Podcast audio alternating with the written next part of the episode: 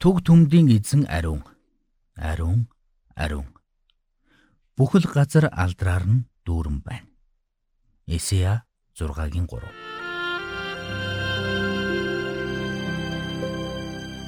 Мэргэний сонсог, мэдлэгийн тэлэг. Ухаалх нь мэрэгэн өдөр төмжийг мөн авах. Доктор Харалт цаалогийн мэрэгэн зөвлөмж нэвтрүүлэг.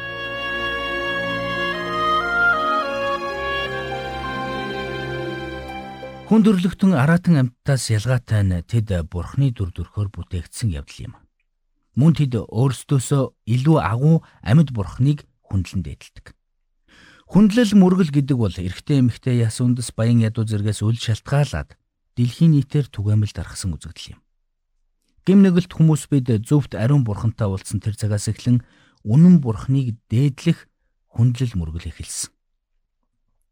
Хуучин гэрээний Исая номд бичигдсэн нэгэн түүхээс бид энэхүү хүндлэл мөргөлийн зураглалыг олж харж чадна. Исая номын 6 дугаар бүлэгт Исая бурхантай нүүр тулан уулзсан байдаг. Тэрээр хоёр сирап төг төмдийн эзэн ариун ариун ариун бүхэл газар алдраар нь дүүрэн байна хэмээн тунхаглахыг сонссон. Харин үүнийг сонсоод Исая хүмүүст энэ тухай дуулгах гэж гүйж одоогүй. Харин Би сүрсэн тул золгүй. Яагад гэвэл би бузар уруултай хүн. Би бузар уруултай хүмүүсийн дунд амьдардаг. Учир нь нүд минь төг төмдийн эзэн болох хааныг харлаа хэмээн дуалцсан байдаг. Бурхны ариун чанар Исаяд гимнүгэлтэй байдлыг нь мэдрүүлсэн. Гэхдээ бурхан Исаяг буруутгаагүй, буруутгал дотор амьдрахыг зөвшөөрөөгүй. Харин нэг сирап дахлын ширээн дээрх нүүрснээс авч түүний уруулд хүргэсэн. Энэ бэлэгдлийн үйлдэлийн цаад шалтгааныг тайлбарлан хэлэхдээ Тэнгэр элч түнд энэ чиний аманд хүрснээр чиний хилэнц авч хаягдж чиний нүгэл уучлагдлаа гэсэн байна. Эсэ бурхантай уулзсныхаа хариуд амьдралаа бурхны хүслийн дагуу удирдуулан чиглүүлсэн. Тэрээр би энд байна. Намайг илгээгээч хэмээн бурханд хэлсэн. Үнэн бурханд хүндэтгэл мөргөл өргөх, химийн шүтэнд хүндэтгэл мөргөл өргөх хоёр эрс ялгаатай гэдгийг бид ойлгох хэрэгтэй. Юу гэвэл үнэн бурханд хүндэтгэл мөргөл өргөх үед бидний амьдралд өөрчлөлт бий болдог. Дэлхийн өнцөг болон бүрт химийн шүтэнүүдэд хүндэтгэл мөргөл өргөж байгаа хүмүүс бий. Тэд химийн шүтэндээ хүндэтгэл мөргөл өргөсөн ч тэдний зүрх сэтгэлийн мухарт байгаа зөвхөрл гутрал байсаар л байдаг.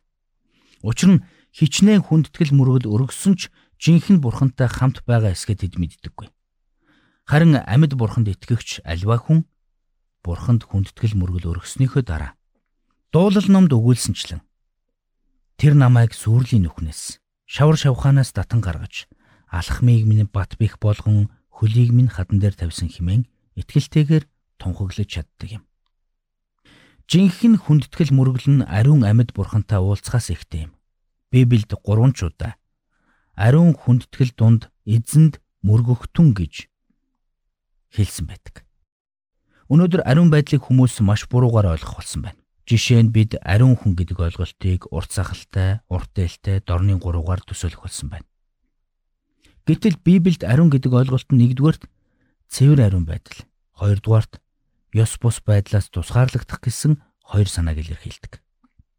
Тэгвэл Бурхны ариун байдал гэсэн ойлголт нь бидний бүтлгүйтэл сул дорой байдлаас дээгүр орших ариун сүр жавхлантай байдлыг илэрхийлж байгаа ойлголт юм. Гэхдээ гайхалтай нь Бурхан тийм төгс ариун атлаа. Алдаа дутагдaltaй сул дорой биднээс нүрэ буруулдаггүй.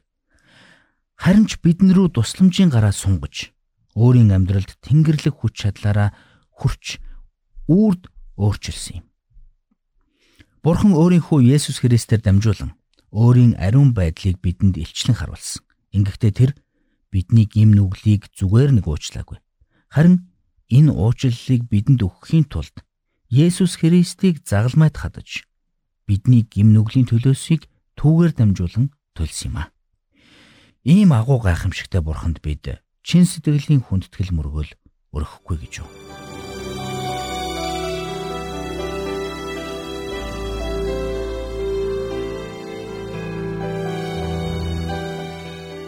Мэргэн нэгнийг дагвал мэргэн, мулгуутай нөхөрлөвл хорлол. Доктор Харалт цаалогийн мэрэгэн зөвлөмж нэвтрүүлгийг танд хүргэлээ.